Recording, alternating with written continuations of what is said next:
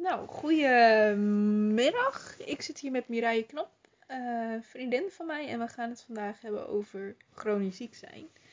Eh, daarom hebben we Mireille uitgenodigd. Eh, ja, vertel me wat over jezelf. Ja, ik ben Mireille, ik ben 24 jaar. Ehm, nou ja, als we het over chronisch ziek zijn hebben, dan... ja, ik heb een aangeboren hartafwijking. Nou ja, zoals het al zegt, aangeboren. Dus ik ben ermee geboren. Ehm, ja, wat ik zelf nog over mezelf kan vertellen. Ik hou van dansen, ik lees veel. Eh, op het moment heb ik echt een verslaving aan Animal Crossing. Dus Same. Wie niet? dat ben ik een beetje in een notendop. Nee, ja, eh Mireille en ik kennen elkaar van dansen. Dus dat is wel heel erg grappig. Eh, en wij zijn beide ziek. Helaas. Maar jij hebt dus een aangeboren hartafwijking. Ja. En dat heb je al sinds, nou ja, logisch sinds je geboren bent. Wist je moeder dat al bij de echo's? Nee, nou ja, we praten hier natuurlijk ook over 25 jaar geleden. Ja. Dus toen waren alle technieken echt nog niet zo goed. Ehm, nou ja, ik werd geboren en toen bleek er in eerste instantie niks aan de hand. Ik was wel blauw, maar ja, er zijn genoeg kinderen die blauw geboren worden. Dus ik heb volgens mij een dag of zo in een couveuse gelegen. En toen daarna was alles prima en ben ik mee naar huis gegaan. Ehm, maar ja, moeder weet altijd wel of er iets wel of niet klopt. Dus uiteindelijk, ik denk dat ze anderhalf jaar met mij heeft rondgelopen van er klopt iets niet, maar we weten niet wat. En toen uiteindelijk van doktersafspraak naar doktersafspraak ehm, is het dus uitgekomen dat ik een aangeboren hartafwijking had. Ja. En wat houdt het in? Ehm, je hebt wel mensen die een aangeboren hartafwijking hebben, dat het bijvoorbeeld andersom in het lichaam zit of dat het hart te groot is. Wat, wat houdt het voor jou in? Ehm, nou ja, mijne valt onder de paraplu-term eh, tetralogie van Fallot. Nou, ja, tetra zegt al dat er eigenlijk vier bouwfouten waren in het hart. Die van mij wijken een beetje af van het klassieke beeld. Ehm, maar je hebt een VSD, dus een ventricle septum defect. Ja. Dus dat is een gat tussen beide harthelften. Ehm, daarnaast heb je dat de aorta scheef geplaatst wordt. Dat komt ook gedeeltelijk ehm, door het gat wat je in je hart hebt. Ehm, door dat gar- gat in je hart moet eh, een deel van je hart ook harder werken. Dus dan wordt de hartspier verdikt. Ehm, en wat bij mij eigenlijk het grootste probleem opleverde. ehm, normaal bij een tetralogie van Fallot heb je dat de longslagader, dus de ader van het hart naar de longen, dat die versmalt is. Bij mij was die helemaal afwezig. Dat was gewoon niet. Gewoon was gewoon niet. Mijn lichaam zei, waarom hebben we die nodig? Ehm, maar ja, zoals je je kan voorstellen, als je een best wel groot bloedvat in je lichaam mist, is niet ideaal. Ehm, maar dat heeft mijn lichaam ook weer zelf opgelost. Ja, Ehm, zelfvoorzienend. ja, het was niet de beste oplossing, maar het did een job. Ehm, ze hebben vanuit mijn aorta besloten, mijn eigen lichaam, we gaan allemaal kleine adertjes eh, richting de longen laten lopen, zodat het toch bloed kreeg. Ehm, en blijkbaar waren dat zoveel en genoeg adertjes dat dat pas opviel toen ik twee jaar was. Ja, dat is best wel een grote, eh, lange tijd tussen 0 en 2. Dat je Ja. dat dan pas echt achterkomt. ja. Heb je daar later ook nog last van gehad? Dat het zo lang duurde voor jou voordat er iets, iets gebeurde? Nou ja, dat weet je natuurlijk nooit helemaal zeker. Ehm, tegenwoordig weet ik als dit wordt geconstateerd dat de eerste kinderen rond zes maanden sterk genoeg zijn om hun eerste operatie te ondergaan. Ehm, ik was volgens mij iets ouder dan twee toen ik mijn eerste operatie had. Toen hebben ze eh, ja, een longslagader via een shunt aangelegd. Wat en een, is een shunt? een shunt is zeg maar een soort van eh, kunstmatige ader die ze Oh, ja. aanleggen. Ja. Ehm, en toen hebben ze een paar van die kleine adertjes alvast dichtgemaakt. En toen, drie dagen na mijn derde verjaardag, had ik mijn tweede open hartoperatie. Leuk Heel fijn. Heel fijn. Ehm, toen hebben ze dat gat in mijn hart gedicht. Ehm, en hebben ze een hartklep in die longslagader geplaatst, die ik dus niet had. Ehm, en toen ging het eigenlijk heel veel jaren best wel prima. Nou, beter. Beter dat het dan beter gaat dan dat je dan vooral, ik denk vooral als je jong bent, dat je dan nog heel veel operaties en heel veel ziekenhuisbezoeken moet hebben, dat je daar echt wel, nou ja, niet getraumatiseerd van wordt, maar dat je daar wel veel last van hebt, Ja, denk ik. ik moest nog wel elk jaar op controle. Oh ja. Maar ja, uiteindelijk was het voor mij ja, ik weet niet beter dan dat ik naar het ziekenhuis ga en een controle heb. Ja. En de controles bij mij waren ook nooit heel vervelend of zo. Het Dat was niet met naalden en zo. En je had het net over trauma's. Ik heb wel een lichtelijke trauma aan naalden. Maar Oh, ja, nee, maar dat is meer dan logisch. Als je vaak geprikt wordt, mm, ja, dat is gewoon niet fijn. En, en naalden sowieso, dat zijn enge dingen. ja, en vroeger... Ik ben ten eerste in Duitsland geopereerd. En heel lang geleden. Dus toen waren er ook nog niet echt pedagogisch medewerkers. Nee, nee. Dus ik ben nooit op die manier ondersteund met, nou ja, spelen, leren wat er allemaal gaat gebeuren. Het overkwam je gewoon. Het werd gewoon gedaan en je dealt er maar mee en klaar. Ja, Ja, dat is eigenlijk wel... Het is mooi dat die ontwikkeling er nu is, maar het is wel erg dat dat vroeger eh, van je verwacht werd als je jong bent van deal er maar mee. ja. Ja, dat is wel heel jammer. Maar nu tegenwoordig, als er bloed geprikt moet worden of zo, dat, dat kan ik gewoon. Ook als niet een, flauw. Nee, als er ook nog een infuus geprikt moet worden, dat kan ook nog wel. Tegenwoordig kan ik ook tegen vaccinaties. Dus de Ja. normale dingen, dat lukt gewoon meer. Want jij werd, eh, want ik weet dat jij werd geopereerd tijdens corona. Want je hebt eh, nu een jaar geleden eh, een operatie gehad na, wat zou het zijn? 20 jaar of Ja. zo? 21 jaar was het uiteindelijk. 21 jaar tussen de laatste operatie en die van nu. Ehm, hoe heb je dat ervaren? Nou ja, voor mij was het echt wel een rollercoaster aan emoties en gevoelens en weet ik het allemaal. Want Ja. ja, de vorige keer was ik drie. Daar kan ik me letterlijk niks, van herinneren. nee. Ik weet hoog nog hooguit dat ik een keer zat te spelen in mijn bed op de kamer. Maar ja, dat is het dan ook. Oeh, mooie blokjes. Ja, precies dat. Dus deze keer was voor mij echt zo van, oh ja, dit was wel echt heel heftig. Van, ik ga een open hartoperatie hebben. Ja, ja. En eerst hadden ze ook gezegd van, goh hè, misschien kunnen we jou, want ik kreeg een nieuwe hartklep. Dat was het hele doen en laten van de operatie. En eerst hadden ze gezegd, hey, er is deze hele mooie nieuwe techniek. Dat we een hartklep kunnen plaatsen via een hartkatheterisatie. Ja, en dat is een veel kleinere ja. ingreep. Dan gaat hij gewoon via je ader erin en dan... dan Ja. ja. En dan, het lijkt een beetje op een dotterbehandeling. Kun je het een beetje mee vergelijken. Ja.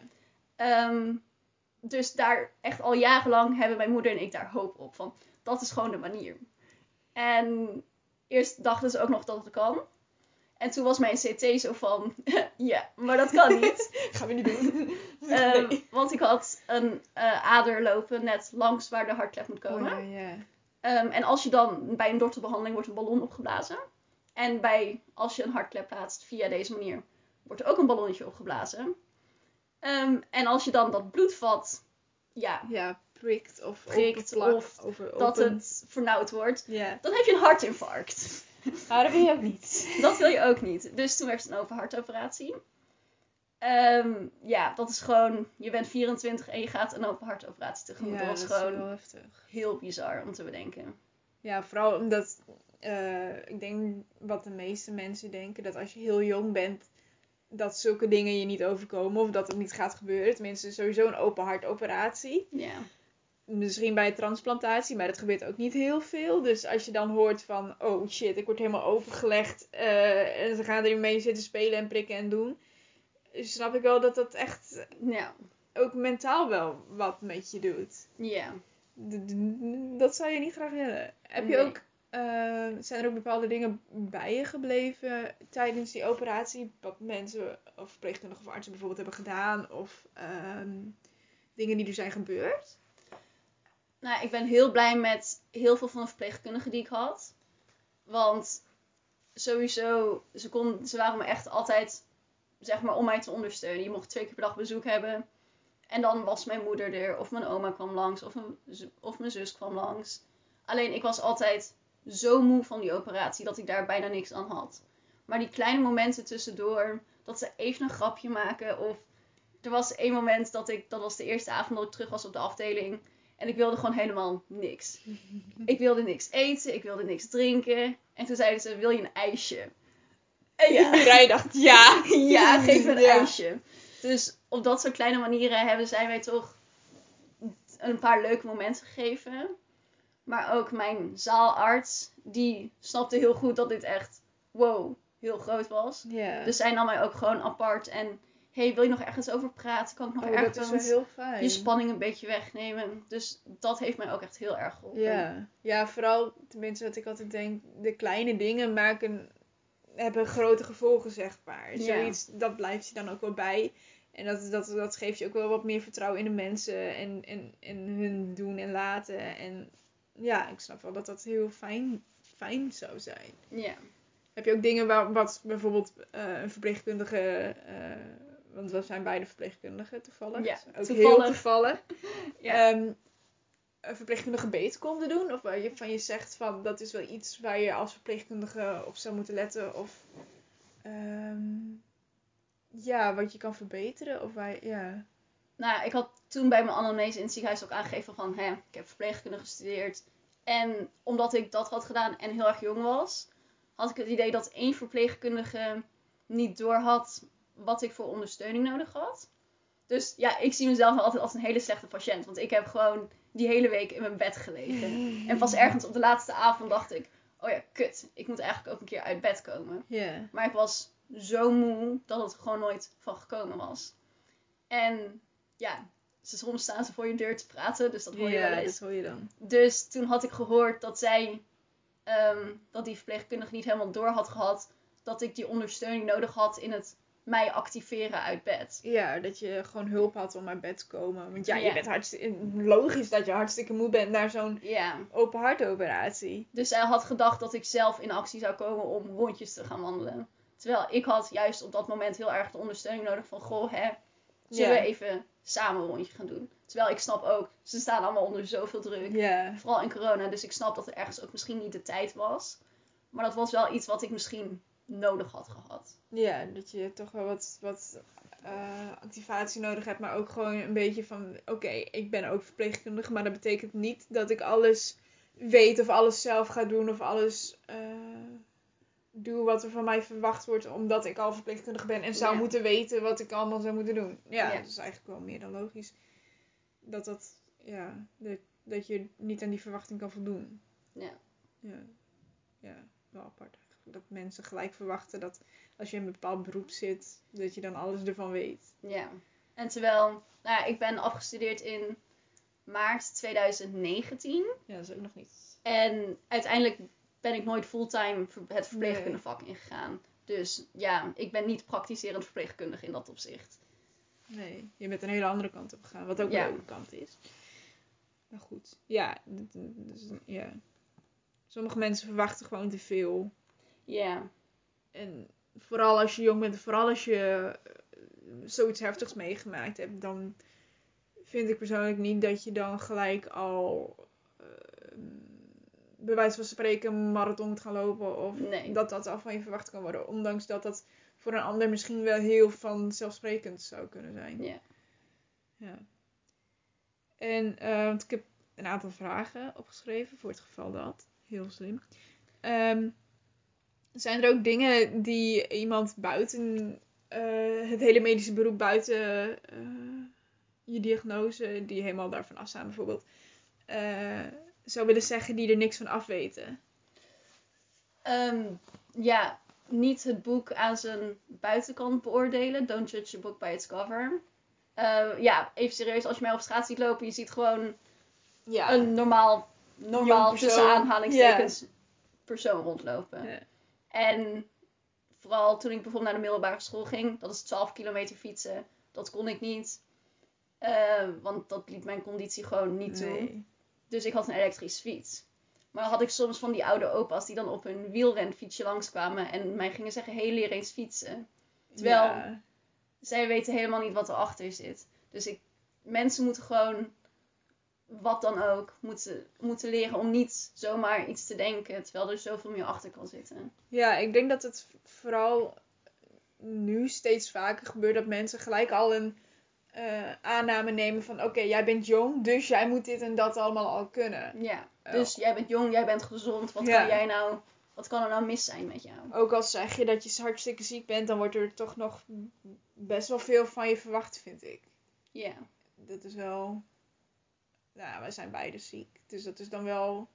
Wij snappen elkaar. Maar een ander die daarbuiten staat, die zou dat niet snappen van. Oh, ik eh, loop even een rondje door, door het bos of zo. En wij hebben zoiets van, ja, jij kan dat wel, maar... eh, Daarna lig ik gewoon een uur op de bank. Ja, daarna moet ik echt de volgende dag nemen om bij te komen om bijvoorbeeld dat te doen. Ik denk dat best wel veel mensen dat niet snappen. Nee, die tijden, vooral na de operatie, had ik echt die tijden dat ik, ja, ik heb zes, ja, zes tot acht weken na de operatie was ik thuis bij mijn moeder, want ik kon gewoon niet voor mezelf zorgen. Nee. Ik mocht ook niet voor mezelf zorgen, want ik mocht mijn armen niet hoger tillen dan mijn schouders. Dus ja, hè, dan gaan heel veel dingen niet. En ik mocht niet zwaar tillen, ik mocht niet autorijden. Ja, en dan pas merk je hoeveel je dat eigenlijk in het normale Ja. leven doet. Dus ik heb acht weken thuis gewoon bij mijn moeder. En toen had ik niet echt heel veel last van dingen. Maar toen ik daarna weer op mezelf ging en ik wilde weer mijn eigen huishouden doen, toen merkte ik pas hoe inspannend het is om bijvoorbeeld te gaan dweilen of te gaan stofzuigen. Ja. En daarna moest ik echt gewoon een uur op de bank zitten om gewoon bij, te komen. Ja. Dat is wel heftig. En dat is nu zo langzaam weer weg. Maar heel af en toe dan heb ik nog sporadisch zo'n moment. En dan is het ineens, oh, fuck, ik ben te ver gegaan. Ja. Vind je dat ook confronterend? In het begin was dat heel Ja. confronterend. Nu zijn we la- een jaar later. Dus nu weet ik ook gewoon, oké, mijn lichaam geeft nu aan, hier is de grens. We moeten even stoppen. Dus nu kan ik heel, mee, heel goed mee omgaan. Maar de eerste keer, ja, ik lag gewoon weer bijna huilend op de bank hoor. Ja. Ja, ik heb, ja, ik heb hetzelfde gehad. Dat je dan denkt van, oh, maar dat kon ik altijd. En waarom kan ik dat nu ineens niet? Maar dan vergeet je eigenlijk dat je, nou ja, voor jou dan een open hartoperatie had gehad. Ja, Ja. dus logisch. Maar ergens in je hoofd zegt een stemmetje van... "Mm, Ja, maar dat is niet logisch, want ik kon het eigenlijk altijd al. Ja. Het is zo, zo tegenstrijdig. Want eh, in de zorg hebben ze het nu heel vaak over zelfmanagement en, en dat soort dingen. Dat je dingen vooral zelf moet doen. Hebben ze jou daar ook eh, in ondersteund? Of heb je daar ook ooit iets van meegekregen? Nee, het was. ehm, de, ik kreeg toen ik uit het ziekenhuis ontslagen werd, kreeg ik een boekje mee. A5 formaat, misschien max 50 pagina's. 50. En dan was het begin ook hoe bereid je voor op de operatie. Dan het middenstuk de operatie zelf. Dus laten we zeggen, ik had misschien 26 pagina's aan informatie over hoe gaat het revalideren. En laten we zeggen, daar heb je net niks aan. Nee. Het helpt je bij de grootste dingen van oké, ik mag niet autorijden voor zes weken, ik mag geen zware dingen tillen. Ehm, ik moet langzaam beginnen met het huishouden oppakken. Maar daarna, hoe, hoe ga je dan verder? Ja. En normaal wordt er dan een revalidatieplek voor je geregeld, maar welkom corona, die was er niet. Nee, en vooral als je jong bent, dan kijken mensen daaraan van, nou, dat kan je Ja. zelf wel. Dus uiteindelijk heb ik wel een revalidatieplek gekregen, maar die was ook vooral gericht op mijn conditie opbouwen in plaats van, nou ja, hoe manage je je eigen tijd zodat je minder moe wordt. Ja. Wel apart eigenlijk, want dat is wel een van de grootste eh, struikelblokken die er zijn als je ziek bent. Van hoe, hoe hou ik alle ballen in de lucht? Hoe, hoe, hoe ga ik om met mijn werk en met mijn ziekteverzuim? En wel apart dat daar dan niks... Ja, je hebt dan een heel boekwerk gekregen aan wat je niet mag doen. Maar ook niet hoe je dat dan weer op moet bouwen. Nee. Dat is eigenlijk weer heel zonde. Dus wel een, wel, eh, hoe zeg je dat? Puntje van, eh, dat kan beter, Ja. leuk geprobeerd, maar dat kan beter. En ik denk ook omdat ik jong ben, wordt inderdaad verwacht, hé, hey, dat pakt ze wel allemaal weer op. En uiteindelijk heb ik het ook al opgepakt. Want even serieus, de meeste mensen die deze operatie krijgen zijn 60 plus. Dus er zitten vaak ook, een huisarts zit daar dichter bovenop. Soms heb je al thuiszorg die er bovenop zit. Dus dan wordt dat veel meer in de gaten gehouden. Terwijl, ja, ik werd gewoon hier, je wordt uit het ziekenhuis ontslagen en je wordt losgelaten in de wereld. Wat heb je ooit thuiszorg gekregen? Nee, Nee, dat dacht ik al. nee. Zeg maar, wat het doel was ook na het ziekenhuis, dat ik eigenlijk zelfvoorzienend was. In, ja, wassen, aankleden, al dat soort dingen. En ja, ik stond best wel snel weer in de keuken. ik weet niet of dat de bedoeling was. Ja. Maar gewoon dat soort kleine dingen, dat kon ik prima zelf. Alleen, ik weet als ik toen op mezelf was gaan wonen, ik had mijn eigen huishouden niet kunnen doen. Nee, dat, dat, nee. En dat mag eigenlijk ook niet van je verwacht worden. Want dan zeggen ze wel heel leuk, ja, je moet rust houden en alles. Maar dan vergeten ze, er zit nog een heel systeem om je heen. Je hebt nog je werk, naar je huis en alles. Je hamster. Dat vergt ook veel werk. Maar dat vergeten ze gewoon dat, dat ja, oké, je hebt een persoon die stuur je naar huis. Eh, die persoon is jong, dus die redt zich wel. Maar ja, je moet veel meer doen dan, dan alleen eh, beter worden eigenlijk. Ja, ze wisten natuurlijk wel dat ik met mijn moeder meeging. Anders hadden ze waarschijnlijk Ja. wel het een en ander in werk Ja, dat gezet. denk ik wel. ja. Maar een heel ander voorbeeld. Ik eh, was aan het koken en zo'n gietijzeren pan, die kon ik niet zelf op het fornuis zetten. Want het was gewoon te zwaar. Ja. Ze hadden zeg maar, om bij mijn hart te komen, hebben ze mijn borstbeen ja, doorgezaagd, Ja. gebroken. Dus heel veel klachten had ik gewoon vanwege mijn borstbeen. Want ja, ik loop gewoon met een gebroken bot rond. Ja. Dus om die niet te belasten, mocht ik geen zware dingen dragen. Dus ik kon ook geen gietijzeren pan op het fornuis zetten. Dus in zoveel kleine dingetjes liet zich dat zien. Ja, apart. Want ja, eh, voor de buitenwereld, als je gebroken been hebt, ja, dat kan iedereen zien. Maar dit, ja, je hebt een shirt aan, je hebt alles aan. Ja.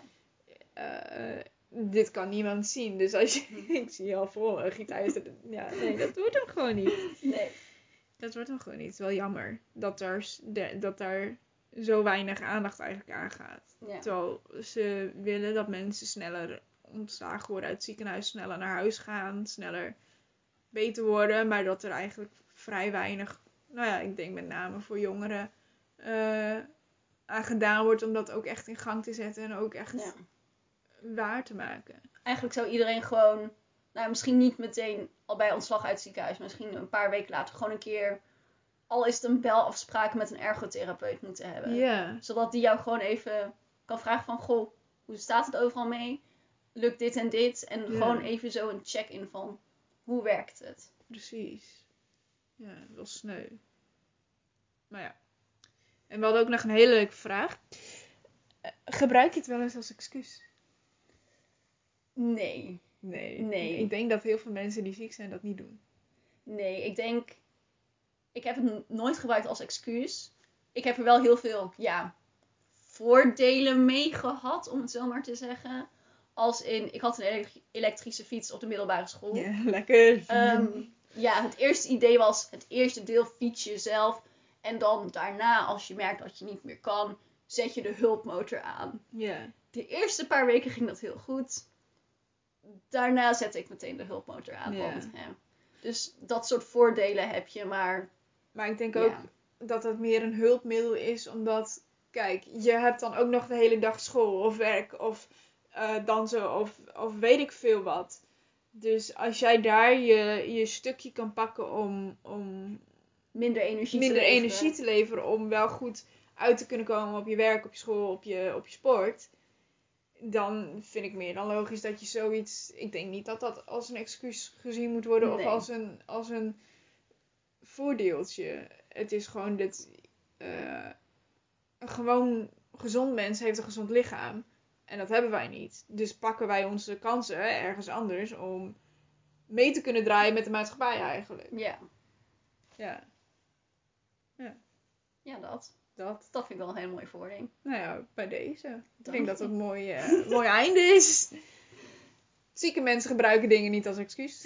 Nee, precies. Wij eh, gebruiken het omdat we het nodig hebben Ja. om met de normale maatschappij mee te komen. Precies. Want de normale maatschappij wil zich niet altijd aanpassen. Nee, nou ja, je ziet dan met rolstoelen hoe, hoe moeilijk dat soms kan zijn. En vooroordelen over mensen die ziek zijn. Dus ja. Nou ja, bedankt dat je mee wil doen aan onze fantastische podcast. Graag gedaan. Altijd leuk om even te kletsen over, eh, Over ziek zijn. over ziek zijn. Oh, wat leuk. Ja. Nee. Nee, maar soms is het gewoon goed om wel je ervaringen te delen. Ja, dat denk ik ook. Maar ook om gewoon eh, te laten zien aan andere mensen die in dezelfde situatie zitten van... Het is niet erg dat je om hulp vraagt. Het is niet erg dat een keer iets niet lukt. Je hebt nu de hele bekende It's a No Bones Day. eh, wat eigenlijk betekent, oké, vandaag neem ik een dag vrij om de rest van de week wel goed te kunnen functioneren. En ik denk Ja. dat, dat dat meer genormaliseerd moet worden. Ja, en inderdaad ook, het is niet erg om hulp te vragen. En dat heb ik op de slechte manier geleerd. Ja, nee, ik ook. Ik ook. Het is, het is heel stom, maar het, het, het wordt zo gezien als zwak zijn, terwijl dat eigenlijk helemaal Ja. niet is. Het is juist heel sterk dat je om hulp vraagt, omdat je dan aangeeft van oké, ik kan dit niet, maar ik weet wel hoe ik het wel kan doen door hulp te vragen. Ja, Dus ja, precies dat. Dankjewel. Jij ook bedankt. Shanghai.